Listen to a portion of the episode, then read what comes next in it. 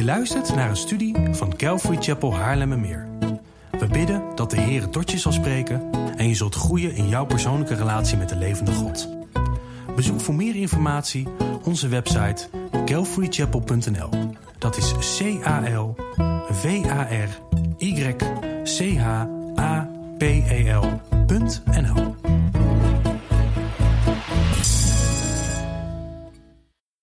Het maakt waarschijnlijk helemaal niks uit voor het geluid, maar voor een gevoel is dit gewoon beter. het is moeilijk om mij te zijn. Uh, goed, wij gaan vandaag verder met de preekserie Route 66, waarin wij uh, elk Bijbelboek in uh, vogelvlucht gaan bekijken. En als disclaimer, ondanks dat ik voor sommige Bijbelboeken meer dan één zondag nodig heb om dit te kunnen doen, blijft de serie wel gewoon Route 66 heten, want er blijven gewoon 66 boeken in de Bijbel. Dus dat is onveranderlijk. Nou, vanmorgen gaan we naar de tweede helft van Exodus kijken. Zoals ik vorige week ook al zei, is Exodus een vertelling van alles dat God gedaan had om het volk Israël te verlossen uit de slavernij van, uh, in Egypte. En tevens vertelt het ons hoe God Israël tot een, een natie heeft gemaakt, een legitieme natie heeft gevormd. En dan hoe God zichzelf vanuit de hemel heeft verlaagd om onder zijn volk te gaan wonen, te tabernakelen, ja, in een tent te wonen eigenlijk. Waardoor Israël fellowship, ofwel gemeenschap met hun God kon hebben. En dit laatste, dat, dat stukje fellowship, dat het feit dat God onder het volk ging wonen in de tent, dat doet ons vooral denken aan de woorden van Johannes, die in Johannes hoofdstuk 1, vers 14 dit schreef. Hij zegt, Gods zoon is een mens geworden. Hij heeft bij ons gewoond. In hem hebben wij Gods hemelse macht gezien. Hij is Gods enige zoon die bij de Vader vandaan gekomen is. In hem waren Gods liefde en trouw volledig aanwezig. Dus Jezus Christus is niet in dezelfde manier, op, op dezelfde manier als God toen in het tabernakel uh, naar de aarde toegekomen, maar hij is letterlijk vlees en bloed geworden. Hij is een kwetsbaar mens geworden. Dat woord Exodus komt voort uit de, de, de Griekse taal. En het betekent uitgaan of uittocht. Zoals ik vorige week ook zei, het, het, werd pas in de derde en de tweede eeuw voor Christus gebruikt bij het vertalen van het uh, Hebreeuws Oud Testament in de Griekse taal. En dat heette de. Is het, Gerry, help me even. Is het Septuagint of Septuagint? Septuagint, oké, okay, dat. Ja, geen van mij. Dankjewel uh, daarvoor, uh, Matthijs. Ja, Matthijs is weer terug, hè? Ja. Welkom terug trouwens, jullie. Ja. Fijn dat je bent. Ja, ja. Nou, kijk, deze Griekse vertaling van het Oude Testament, dat heet dan de Septuagint. en dit is dan ook wat Jezus citeerde. En niet alleen Jezus, maar eigenlijk alle nieuwtestamentische mensen en schrijvers. Nou, Exodus behelst een periode van 82 jaar. Um, en het boek kan heel goed onderverdeeld worden in drie delen. Namelijk uh, Israël in Egypte, Israël op weg naar de woestijn Sinaï en dan Israël in de woestijn Sinaï, bij de berg Sinaï. En in deel 1 hebben we gekeken naar uh, Israël uh, in Egypte. En vandaag gaan wij in vogel, of, uh, gaan we kijken naar die andere twee um, delen. Nou, de vorige studie werden wij aan Mozes voorgesteld. We hebben zijn geboorte gezien, uh, het wonder dat hij van zijn eigen moeder, ondanks de omstandigheden, uh, nog ja, borstvoeding kon krijgen. we hebben gezien dat hij opgevoed werd door, tot prins, hebben gezien dat hij een keus had gemaakt om de God van de Bijbel te willen dienen. We hebben gezien dat hij een moord pleegde. We hebben gezien dat, zijn, dat hij vluchtte uh, vanuit Egypte naar de uiterste rand van de woestijn. We hebben gezien dat God hem riep om Israël te verlossen. We hebben ook gezien dat hij tot meerdere malen toe echt tegenstribbelde en eigenlijk helemaal niet wilde uh, wat God van hem vroeg. Uh, we hebben vervolgens de tien plagen tegen Egypte gezien en Gods verlossingsplan middels het vergrote bloed van het lam, het pascha, het Pesach, wat Casper dan aanstaande woensdag, aanstaande woensdag toch, uh, gaat behandelen, althans een begin gaat maken.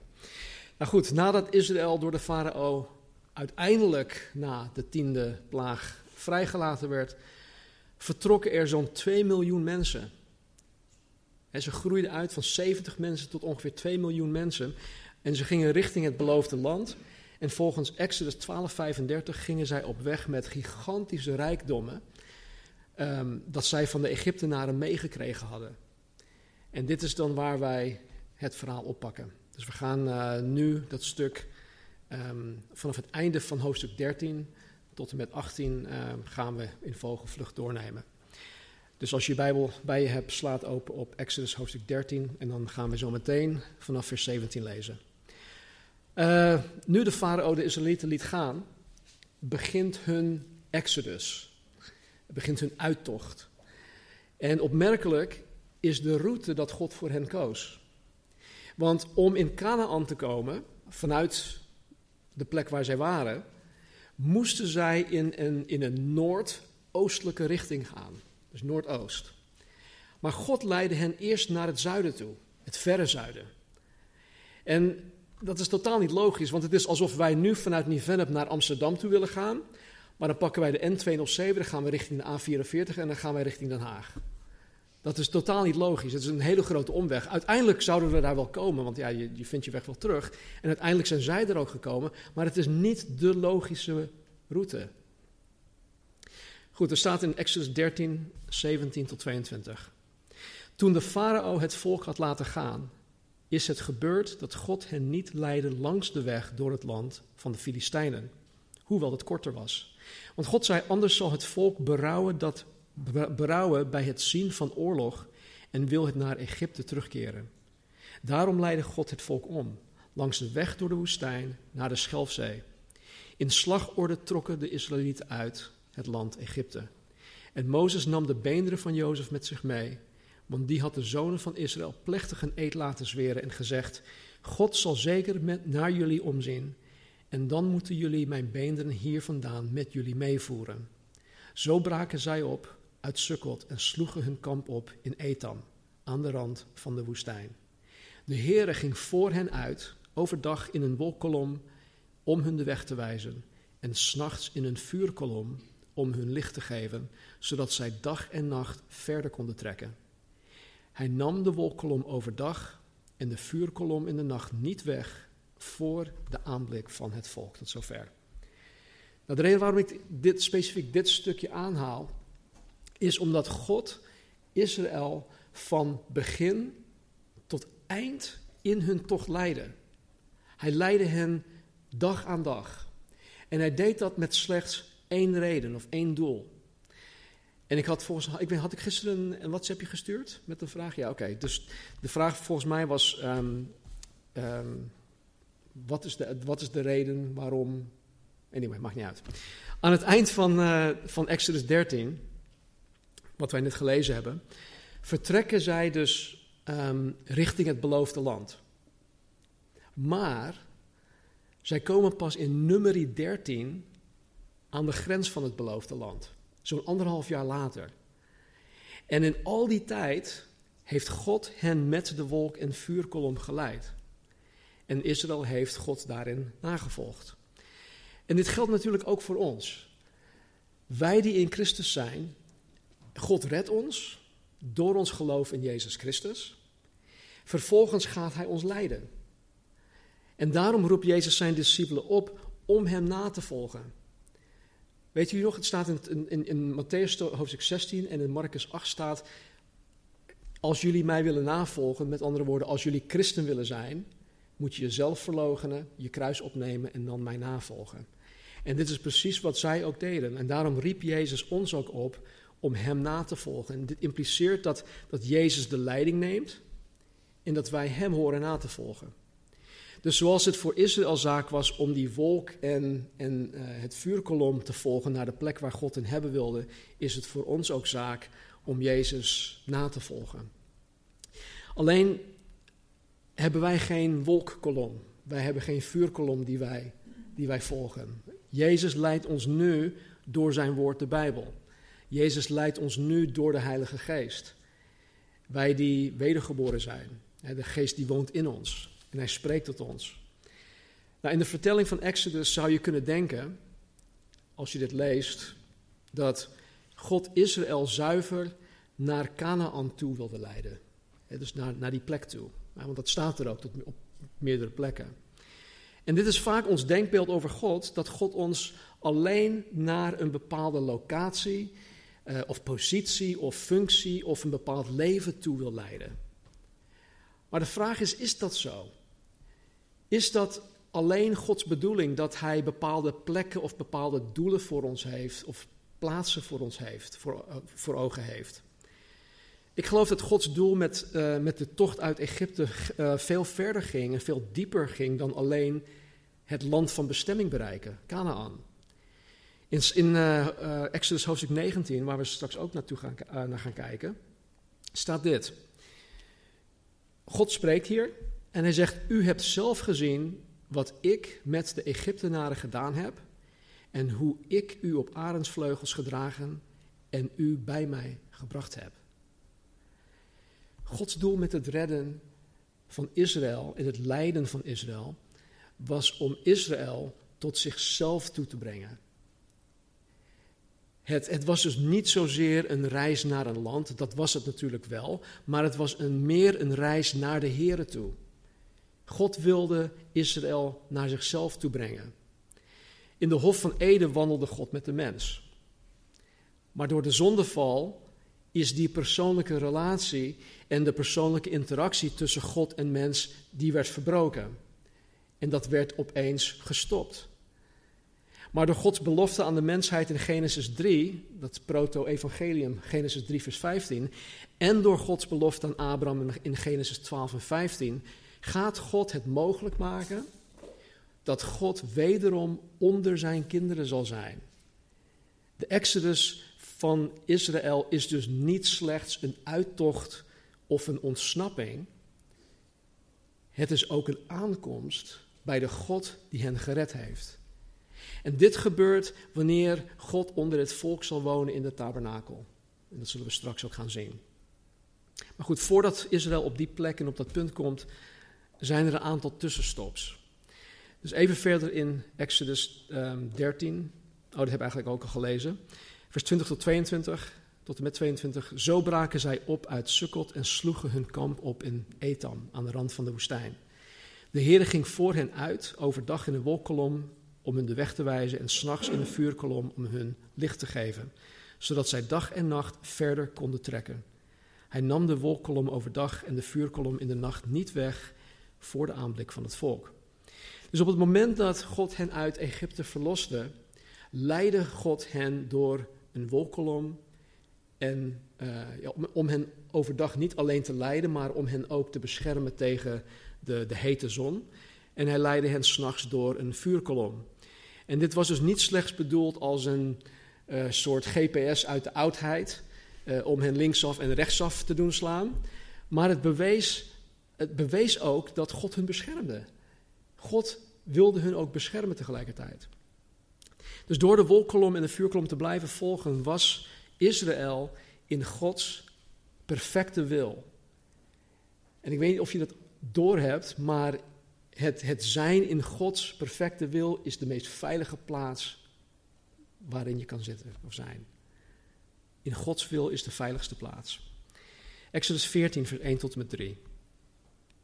Toen sprak de Heer tot Mozes: Spreek tot de Israëlieten en zeg dat zij terugkeren en hun kamp opslaan voor Pi Hagirot, tussen Michtol en de zee, voor Baal Zephon. Daartegenover moet u kamp opslaan bij de zee. De farao zal dan van de Israëlieten zeggen: Zij zijn in het land verdwaald, de woestijn heeft hen ingesloten. Tot zover. Volgens de vertelling zat Israël op dit moment in Etam. En sorry dat ik geen kaart heb. Maar ze zaten op een plek. En nu zegt God dus dat zij terug moeten gaan. Waar zij voorheen waren. Ze moeten teruggaan naar Pihagirot. En dit zou op zich geen probleem hoeven te zijn. Behalve dat Israël vervolgens in deze plek in een dal ingesloten zou, zou, zou, uh, zou zijn, tussen twee rotswanden in, en dan alleen nog de zee voor hun. En op een gegeven moment besloot de farao dus om achter Israël aan te gaan. En zo volgde de farao met al zijn strijders Israël naar deze plek toe. En Israël op dat moment kon geen kant uit. Ze konden niet terug, ze konden nergens naartoe. De zee voor hun, rotswanden aan beide kanten en Egypte op hun hielen. Dus toen de, Israëlieten um, ja, het, het, overdonderend geluid van de strijdwagens en de ruiters van het Egyptisch uh, leger hoorden, toen zij hen in de verte aanzagen komen, werden ze zeer bevreesd, staat en zij riepen tot de Heer. En tegelijkertijd begonnen zij tegen Mozes te morren en te klagen. En toen het Egyptisch leger Israël op de hielen kwam, verplaatste God zich op een gegeven moment.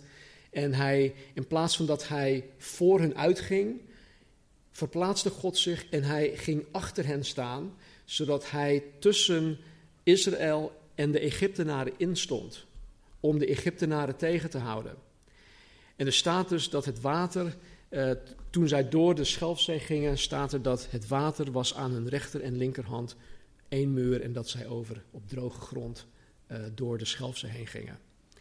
En nadat Israël aan de overkant gekomen was, staat er dat God de Egyptenaren in verwarring bracht en de wielen van hun wagens deed wegzakken, zodat ze met moeite vooruit kwamen. Het ging dus heel langzaam. En waar ze voorheen gewoon gewend waren om gewoon vrij snel met die paarden en die strijdwagens met, met, met hoge snelheid um, te rijden, zorgde God ervoor dat die wielen wegzakten. Dus eenmaal aan de overkant gekomen liet God Mozes zijn hand over de zee uitstrekken, waardoor de zee over de Egyptenaren terugkeerde. En omdat het leger panzer en wapenrusting droeg, verdronken zij allemaal. Ik denk dat als ze boardshorts aan hadden, dat het uh, heel anders gegaan zou, uh, zou, zou, gaan, zou gaan. Maar ja, die, die strijders die, die, die droegen een hoop um, wapenrusting. Nou goed, na dit gigantisch wonder zong, God, of zong Mozes en Israël een prachtig lofzang. En daarna vertrok Israël richting de woestijn Sur. En nadat zij drie dagen lang reisden zonder water gevonden te hebben, uh, kwamen ze in een plek dat zij Mara noemden. Want alhoewel daar wel water was, was het water niet drinkbaar. Het water was bitter en Mara betekent bitter. Dus zoals gewoonlijk begonnen de Israëlieten wederom te klagen, te morren. Mozes riep weer tot de Heer en God wees Mozes een stuk hout dat Mozes in het water moest gooien om het drinkbaar te maken. Nou, ik weet niet wie van jullie ooit um, hebben, um, in, in de bergen hebt gewandeld, uh, water bent tegengekomen dat niet te drinken is. Um, als je daar een stuk hout in gooit, dan gebeurt daar echt niks mee. Behalve dat het, water, dat het stukje hout misschien op het water blijft drijven. Dus het, het, het stuk hout, dat heeft totaal geen effect op het water. Um, God wilde op dit moment weer een wonder doen. En God wilde zichzelf wederom aan, aan Israël tonen. En zoals God Israël met dit stuk hout voor de zoveelste keer had gered, niet met het stuk hout, maar dat hij hun voor de zoveelste keer had gered, wees dit stuk hout naar het hout waaraan Jezus voor ons gekruisigd werd, waardoor wij vandaag de dag redding kunnen hebben. Dus dit is weer zo'n verwijzing of een aanwijzing naar het toekomstig werk van Jezus Christus. Nou, vanaf die plek trokken ze door naar een plek dat heet Elim, waarvan de Bijbel zegt dat daar twaalf waterbronnen waren en zeventig palmbomen. Een echte oase dus. En zij mochten daar rusten, ze mochten daar verfrist worden. En het is maar goed dat zij vanuit Mara daar naartoe zijn gegaan, anders hadden ze dit gemist. En ik zie dat in, in ons leven wij als christenen soms blijven steken in Mara. Wij blijven soms steken in de plaats, uh, in, in die plaats, in, in, uh, in, in, die plaats Mara, in die, in die bittere plaats, in plaats van dat wij doorgaan naar Elim, die oase, waar twaalf waterbronnen zijn en zeventig palmbomen. Mara betekent bitter. En soms kunnen wij door teleurstelling, door uh, ontevredenheid of door onvrede of door spijt of verdriet of pijn lijden, of misschien dat je, doordat je gekrenkt of gekwetst bent, uh, dat je daar blijft steken, dat je bij Mara blijft steken. Eh, dat je daardoor verbitterd raakt. En dat je ook niet verder komt. Maar God wil juist dat zijn kinderen naar Elim toe gaan. God wil zijn kinderen naar Elim toebrengen, waar wij verfrist zullen worden, waar wij tot rust zullen komen, zodat wij vervolgens weer verder kunnen in het leren kennen en in het dienen van de Heer. Maar als wij verbitterd raken, om welke reden dan ook, dan belemmeren wij Gods werk in ons, door ons heen en wij um, belemmeren het werk dat Hij in de gemeente, in de kerk van Jezus Christus wil doen. In Hebreeën 12, 15 staat dit.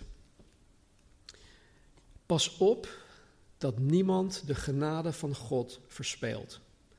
Laat geen bitter, schadelijk onkruid opkomen dat uw hele gemeente vergiftigt. Zie, dus bitterheid kan niet alleen je, jezelf schade, uh, uh, of niet alleen voor jezelf schadelijk zijn. Het kan schadelijk zijn voor alles en iedereen om je heen. En vooral ook in de gemeente van Jezus Christus. Nou, van die plek braken zij op uit Elim en kwamen in de woestijn Sin. Nou, sin in de Nederlandse taal betekent natuurlijk helemaal niks, maar het is wel ja, toepasselijk in de Engelse taal. De woestijn van sin, sin is zonde. En zoals gewoonlijk begon het volk wederom tegen Mozes te morren en te klagen, omdat zij deze keer geen eten hadden. En het was hier dat God Israël voor het eerst voorzag van brood uit de hemel, het manna. En toen de Israëlieten het manna voor het eerst op de grond zagen, zeiden ze: Hé, wat is dat? Wat is het? En dat is dan ook precies de betekenis van manna. Manna betekent: wat is het? Dus ze zagen dat op de grond liggen, wat is het? En ze kregen de opdracht van God om het ehm, elke dag op te rapen. Nou, ik vind het heel apart, want elke ochtend moesten ze het van de grond oprapen. Genoeg voor die dag. Het bleef ook niet tot de volgende dag. Ze hadden het trouwens, sommigen hadden het gedaan. En de volgende dag uh, was het helemaal verrot en maden en dat soort dingen die kwamen eruit. En het was, was heel, niet, niet pretty. Dus um, ze moesten het elke dag oprapen. En ik weet natuurlijk niet hoe het er toe aan toe ging, toen aan toe ging. Maar wij leren onze kinderen om niets van de grond te eten. Klopt dat? Eh, behalve misschien de 10-second rule of zoiets. Maar goed, dat, dat geldt eigenlijk helemaal niet. Dus wij leren onze kinderen om niets van de grond te eten. En hier moesten zij deze superfood vanaf de grond oprapen om dat, om dat uh, te gaan eten. En ondanks dat het voor de Israëlieten in die tijd slechts Gods voorziening van eten was, was het een beeld van de toekomstige Messias, Jezus Christus. Ik weet niet of jullie dit weten, maar in uh, Johannes hoofdstuk 6 uh, eh, had Jezus net de 5000 mannen en dan ook nog vrouwen en kinderen uh, gevoed met wat broden en vissen. En toen raakte hij in gesprek met, met, mensen. Heel veel van de, de, de zogenaamde discipelen die haakten af. En um, alleen een klein groepje, met name de twaalf, die, die bleef Jezus gewoon navolgen. En in Johannes 6 spreekt Jezus op een gegeven moment met de, met de menigte. En um, zij hadden het over hun voorouders, die het manna in de woestijn gegeten hadden. Waarop Jezus inhaakt en tegen hen zei dat zijn vader het ware brood uit de hemel gaat geven. En dan staat er dit in Johannes 6, vers 33 tot 35. Want het brood van God is Hij die uit de hemel neerdaalt en aan de wereld het leven geeft. Hij spreekt dus over zichzelf. Zij zeiden dan tegen hem: Heere, geef ons altijd dat brood. En Jezus zei tegen hen: Ik ben het brood des levens. Wie tot mij komt, zal beslist geen honger hebben. En wie in mij gelooft, zal nooit meer dorst hebben. Nu spreekt Jezus natuurlijk niet van een, een lichamelijk honger of dorst, maar een honger en dorst voor de ziel. En dit is precies ook wat de psalmist uh, bedoelde toen hij schreef in Psalm 23: De Heere is mijn herder, mij ontbreekt niets. Met andere woorden, ik ben volkomen tevreden, ik ben voldaan. En dit is wat Jezus alleen in een mensenleven kan doen en wil doen en wil zijn. Hij wil ons alles zijn. Hij wil ons tevreden stellen. Hij wil dat wij voldaan zijn in Hem. Nou, van die plek ging Israël door naar Rafidim. En ook daar was alweer geen water. En zoals gewoonlijk moorde en klaagde het volk tegen Mozes. Trouwens, wanneer het volk tegen Mozes moordt en klaagt, staat er dat zij eigenlijk niet tegen Mozes klaagden, maar dat zij tegen God klaagden. En dat is wel iets waar ik, waar ik me altijd uh, van bewust uh, was uh, toen ik nog geen voorganger was. Dat ik eigenlijk beter niet kan klagen tegen degene die God over me heeft gesteld, want dan klaag ik eigenlijk tegen God. Maar goed, dat is even mijn eigen, mijn eigen ding. Ik bedoel hier verder niks mee hoor, met jullie. Echt niet. um, goed, Mozes riep wederom tot de Heer. En, hij zei en God zei tegen Mozes om voor het volk uit te gaan naar een bepaalde rots in Horeb. En hij zou God daar ontmoeten. Nou, eenmaal daar moest Mozes met zijn staf tegen de rots slaan, waardoor God water uit die rots zou laten stromen, zodat het volk en al het vee en iedereen daarvan kon drinken. En ook hier is Gods wonder meer dan alleen het voorzien van water.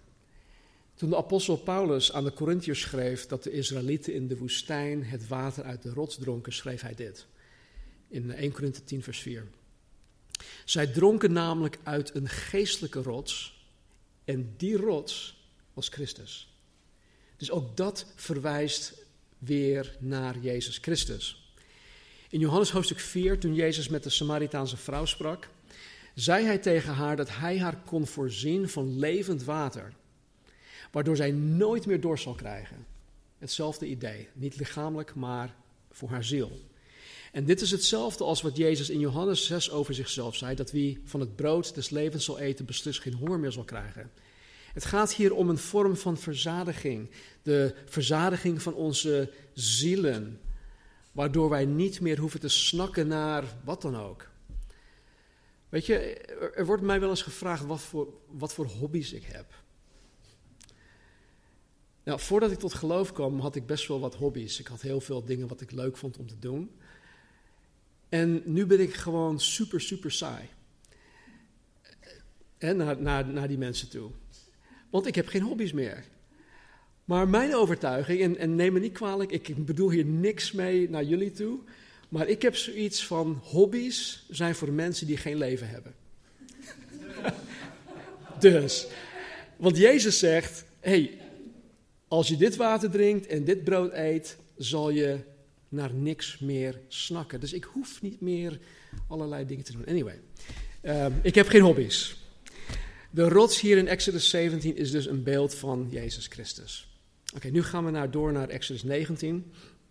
En vanaf Exodus 19 tot het einde van het boek, hoofdstuk 40, bevindt Israël zich bij de berg Sinaï. Dat is de berg waar God tot Mozes sprak. Rook, vuur, aardbevingen, de wet, de, de tafelen van steen en, en al dat soort dingen.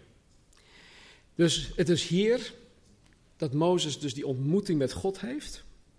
En God uh, de wet aan Mozes geeft. En de laatste hoofdstukken in Exodus gaan trouwens voornamelijk om het krijgen van de wet en de bouw van de tabernakel.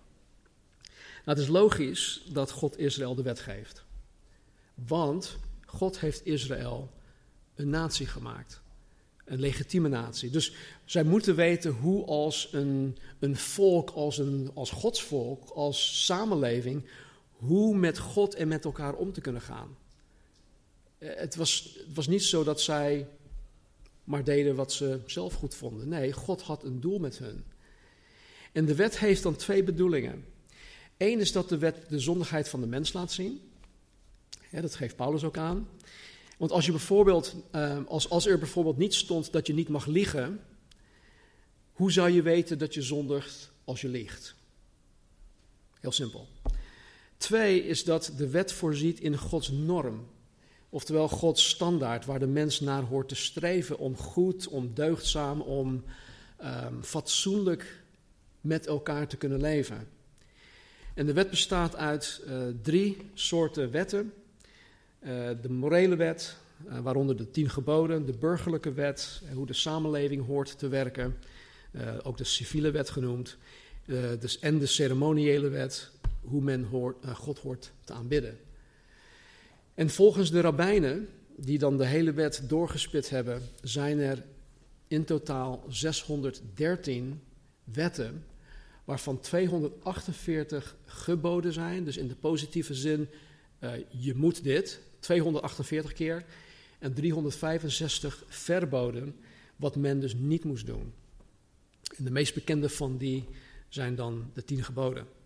Nou, de eerste vier van de tien geboden zijn dit. Geen andere goden, uh, geen beeld maken om te aanbidden, uh, de naam van de Heer niet ijdel gebruiken en je moet de Sabbatdag houden. En deze vier zijn gegeven om de aanbidding van de levende God van de Bijbel zuiver te houden, zodat men weet hoe zij met God om horen te gaan. De vijfde is om je ouders te eren en dat is om je familie te beschermen. De zesde is dat je niet met voorbedachte raden um, iemand mag vermoorden. En, en dat is er om de waarde van het leven te beschermen. Kijk maar bijvoorbeeld naar het verhaal van uh, Kain en Abel. Uh, de zevende is dat je geen overspel pleegt. En dat is er om Gods blauwdruk en de heiligheid van het huwelijk in stand te houden. Uh, de achtste is dat je niet mag stelen. En dat is er om de rechtmatige eigenaren te beschermen. De negende is dat je niet mag liegen. En dat is er om de waarheid te waarborgen. En de tiende is dat je niet mag begeren. Wat nogal um, ja, abstract is. Je kan het niet echt zien. Het is een, een zonde van, de hart, van het hart. En het is er, geloof ik, om de waarde van de mens in stand te houden. Want in plaats van dat je begeert wat iemand heeft, ken je door je hieraan te houden, ken je waarde toe aan die of aan wie die persoon is. Met andere woorden, ik, um, ik heb heel veel respect voor Marcel de Haan. Ik ken waarde toe aan Marcel de Haan door niet zijn vrouw Gerry te begeren. Snap je? Dus het heeft, het heeft meer te maken met de ander, waar het, een ander persoon. Dus je richt je weer op, op de ander. En wat dit gebod ook doet, is um, dat het ons duidelijk laat zien dat wij zondaren zijn. Nogmaals, niemand, kan, niemand van jullie kan zien of ik nu iets of iemand begeer. Het is een zonde van, van het hart. Maar Paulus zegt voor zijn bekering, uh, hij dacht dat hij uh, de hele wet gehouden um, had. Hij, ik, ik, op alle fronten heb ik me um, was hij onberispelijk wat de wet betreft. Totdat hij doorkreeg dat hij worstelde met het begeren wat een ander had. En toen pas besefte hij dat ook hij een zondaar was. Een zondaar die een verlosser nodig had. Dus de wet helpt ons om in te zien dat wij zondaren zijn die een redder nodig hebben. De wet was ook gegeven om Israël te laten weten hoe zij hoorden te leven als Gods heilig volk. Ik weet niet in hoeverre jullie dit weten, maar God had Israël in, in het leven geroepen om hem te vertegenwoordigen. Het was niet alleen zo dat zij een exclusief clubje waren, maar het was juist door hun leven heen, door hun getuigenis heen, dat God wilde dat andere volkeren ook tot hem kwamen. In 1914 stond er dat hij dit deed om mensen bij hem te brengen. En dat is tot op de dag van vandaag nog steeds Gods doel. En dat is om mensen tot zichzelf te brengen. Door genade werd Israël verlost uit Egypte. En door de verstrekking van de wet laat God Israël weten hoe zij als een door God verlost volk moeten leven. En dit geldt ook voor ons. Wij die wedergeboren zijn, zijn uit genade door Jezus Christus verlost van de zonde en van de dood. En eenmaal verlost wil God dat wij gaan leven als verloste kinderen van God. In, um, in Efeze 4 staat dat wij moeten wandelen waardig de roeping waarmee wij geroepen zijn. Dus het is niet alleen zo, oké, ik ben nu gered, ik ben nu verlost. Ik heb mijn paspoort voor de hemel, maar ik hoef nu niet te doen wat God van mij vraagt, want ik ben toch al gered. Nee, God wil juist dat wij gaan leven zoals verloste kinderen. En daarom is het van essentieel belang dat wij in ieder geval het Nieuw Testament heel goed leren kennen. Het zijn maar 27 boeken. Je kan dat in minder dan uh, 30 uur doorgelezen hebben. In hoofdstuk 19 en 20, terwijl Israël in de woestijn Sinaï was, ging Mozes meerdere tot meerdere malen toe de berg op om God te ontmoeten. Daar kreeg Mozes de tien geboden, de burgerlijke wetten, de ceremoniële wetten.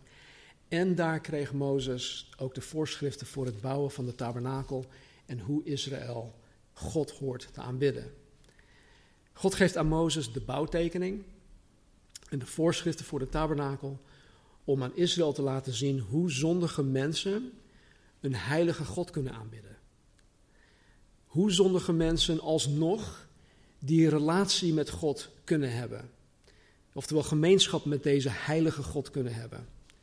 En de basis voor deze gemeenschap met God, en dit klinkt heel erg, heel erg bizar, maar de basis voor deze gemeenschap met God is het vergoten bloed van onschuldige dieren dat de prijs betaalt voor de zonde van mensen. En we zullen hier zo meteen op terugkomen, maar ook dit wijst naar het ultieme offer van Jezus Christus. En weet je, als je het hierover met nog niet gelovige mensen hebt, dan zullen ze ongetwijfeld, vooral vandaag de dag, um, zullen ze ongetwijfeld verbolgen worden dat God vereist dat een onschuldig dier, een onschuldig lammetje, geslacht en geofferd moet worden voor de zonde van de mens. Dat is gewoon not done. Ze denken daar niet eens. Dat is, dat is zo ver buiten hun denkvermogen. Dat is zo bizar. Want wat heeft zo'n lief, schattig, onschuldig lammetje nu gedaan? Of wat heeft zo'n lief, schattig, onschuldig lammetje verdiend om op zo'n gruwelijke manier gedood te worden? En het antwoord daarop is natuurlijk helemaal niets. Het heeft helemaal niets gedaan. Het heeft helemaal niets verdiend om op zo'n gruwelijke wijze gedood te worden. Het lam is volkomen onschuldig. En vandaar dat Johannes de Doper zei toen hij Jezus zag: Zie het lam van God dat de zonde van de wereld wegneemt. En vandaar dat Petrus dit schrijft. Ik weet niet of ik dat hier heb. Nee, ik heb hem niet. Hij zegt: U weet dat u niet door vergankelijke dingen zoals goud en zilver bent verlost. Uit het zinloze bestaan dat u van uw vaderen hebt geërfd. U bent verlost door het kostbaar bloed van Christus, het lam zonder vlek of gebrek. Even verder in de brief zegt hij dit. Want ook Christus heeft eenmaal voor de zonde geleden. Hij die rechtvaardig was voor onrechtvaardigen, opdat hij ons tot God zou brengen. In openbaring wordt Jezus 27 keer het lam genoemd. 27 keer. Dus dit hele offersysteem van het Oude Testament, en dat zullen wij ook gaan zien wanneer we in Leviticus komen. Het hele offersysteem wijst op het ultieme offer van Jezus Christus aan het kruis. Dus als mensen zeggen van ja, uh, Exodus en Leviticus en Numeri, dat is allemaal zo saai. Er zitten zoveel mooie dingen in die allemaal naar Jezus Christus wijzen. Het is maar uh, net of je het um, herkent of niet. Dus het hele offersysteem van het oude systeem, uh, van het Oude Testament wijst op het ultieme offer van Jezus Christus. Goed. U onderzoekt de schriften. Jezus spreekt hier want u denkt daardoor eeuwig leven te hebben. En die zijn het die van mij getuigen. Nogmaals, de Bijbel gaat over Jezus Christus. En uh, in Exodus zien wij een aantal aanwijzingen. En deze aanwijzingen zijn beelden van Jezus Christus. Bijvoorbeeld het paaslam. Het paaslam wijst naar Jezus offer aan het kruis. De Schelfzee wijst naar de waterdoop. Het manna wijst naar Jezus als het brood des levens. Water uit de rots wijst naar het levende water. Aaron, de hoge priester, wijst naar Jezus als onze hoge priester. En de tabernakel wijst naar Jezus als de enige weg naar God de Vader. En de tabernakel was een verplaatsbare tent waar God in verbleef. Dat zullen we ook, uh, ik zal het ook iets meer uitdiepen wanneer we in, uh, in uh, Leviticus komen. Het had een omheining aan vier kanten, wat de Israëlieten liet weten dat ze niet zomaar naar God toe konden komen. Er was slechts één ingang aan de oostzijde. Dus ze konden niet eens boven het hek kijken. En er was maar één ingang aan de oostzijde. En dit liet de mensen weten dat er slechts één weg is tot God de Vader. En dit is precies ook wat Jezus zei in Johannes 14, vers 6: dat Hij de weg, de waarheid en het leven is. Niemand komt tot God de Vader dan alleen door mij. Hij is de enige weg. En ook die ene opening, die ene uh, ingang tot het, de, de tabernakel was die ene weg. Dat is ook weer een beeld van wie Jezus is. En zodra men binnenkwam, was daar een brandofferaltaar, waar men in aanraking kwam met het geslachte offerdier. En dit liet men meteen weten dat ze niet zonder een offer in Gods aanwezigheid konden komen. En zo kunnen ook wij vandaag de dag niet zomaar in Gods aanwezigheid komen zonder dat wij eerst het offer van Jezus Christus aanvaarden. Daarna stond het koperen wasvat gevuld met water waarmee Aaron de priester en, en, en eh, de andere priesters hun handen en voeten konden wassen. Voordat zij de Here gingen dienen. En dit spreekt van het gewassen worden door het waterbad met het woord van God, Efeze 5. En zo horen wij dagelijks door het woord van God gewassen te worden, zodat wij Jezus Christus gaan leren kennen. Wij moeten hervormd worden door het vernieuwen van ons denken. Dus alle foute denkbeelden van wie wij denken dat Jezus Christus is, die moet opnieuw in ons als het ware geprogrammeerd worden. Wij moeten gewassen worden, wij moeten hervormd worden door het vernieuwen van ons denken. Daarna was de ingang van het heilige waarin de tafel voor het toonbrood, uh, waarin de tafel voor het toonbrood stond. En dat, dat spreekt ook van Jezus, het brood des levens. Ook stond daar de gouden kandelaar, dat dag en nacht brandde. En de olie dat daarvoor nodig was, spreekt van onze diepe nood voor het werk van de Heilige Geest in ons leven. Daarnaast stond het reukofferaltaar waarop reukwerk continu gebrand werd, waardoor een heerlijke geur naar God toe ging. En dit spreekt van de gebeden van de heiligen die ook continu naar God uh, horen te gaan als een voor God welgevallig offer. En daarna hing het voorhangsel en achter het voorhangsel stond de ark van de getuigenis met daarboven het verzoensdeksel, het verzoenendeksel, waar Gods glorie verbleef. En dit is waar God en de hoge priester één keer per jaar fellowship of gemeenschap met elkaar hadden. En dit is dus het perfect beeld van hoe wij tot God kunnen komen. Als je een relatie met een levende God van de Bijbel wil hebben, dan moet je via die ene weg tot God komen. Door Jezus Christus, door het kruis. Vervolgens bekeer je je, je beleidt je zonde, je aanvaardt Jezus, je gaat je Bijbel lezen, waardoor je Jezus gaat leren kennen. Je ontmoet Hem elke dag als het brood des levens. Je bent elke dag vervuld met de Heilige Geest. Je wandelt in de Geest. Je bidt elke dag tot God om zo aan je relatie met God te werken. En zo wordt je relatie steeds hechter en inniger met Jezus Christus, die zichzelf voor jou gegeven heeft.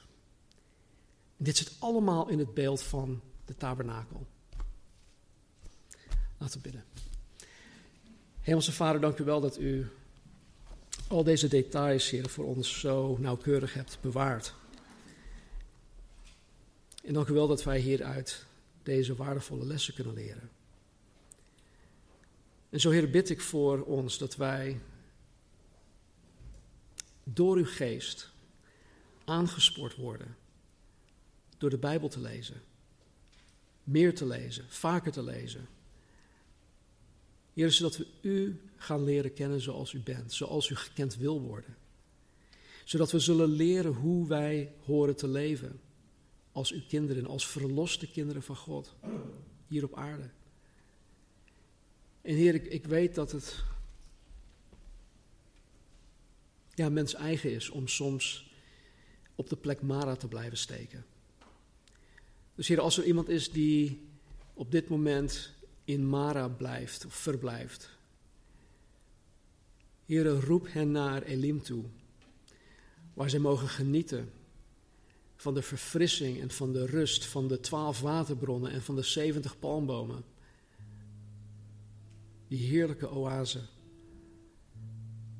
Help ons, Vader. Wij zijn schapen en wij hebben uw hulp nodig, want u bent de goede herder. Dus leid ons, zegen ons, corrigeer ons, snoei ons, zodat we meer vrucht zullen dragen voor uw koninkrijk, voor uw glorie. In Jezus' naam. Amen.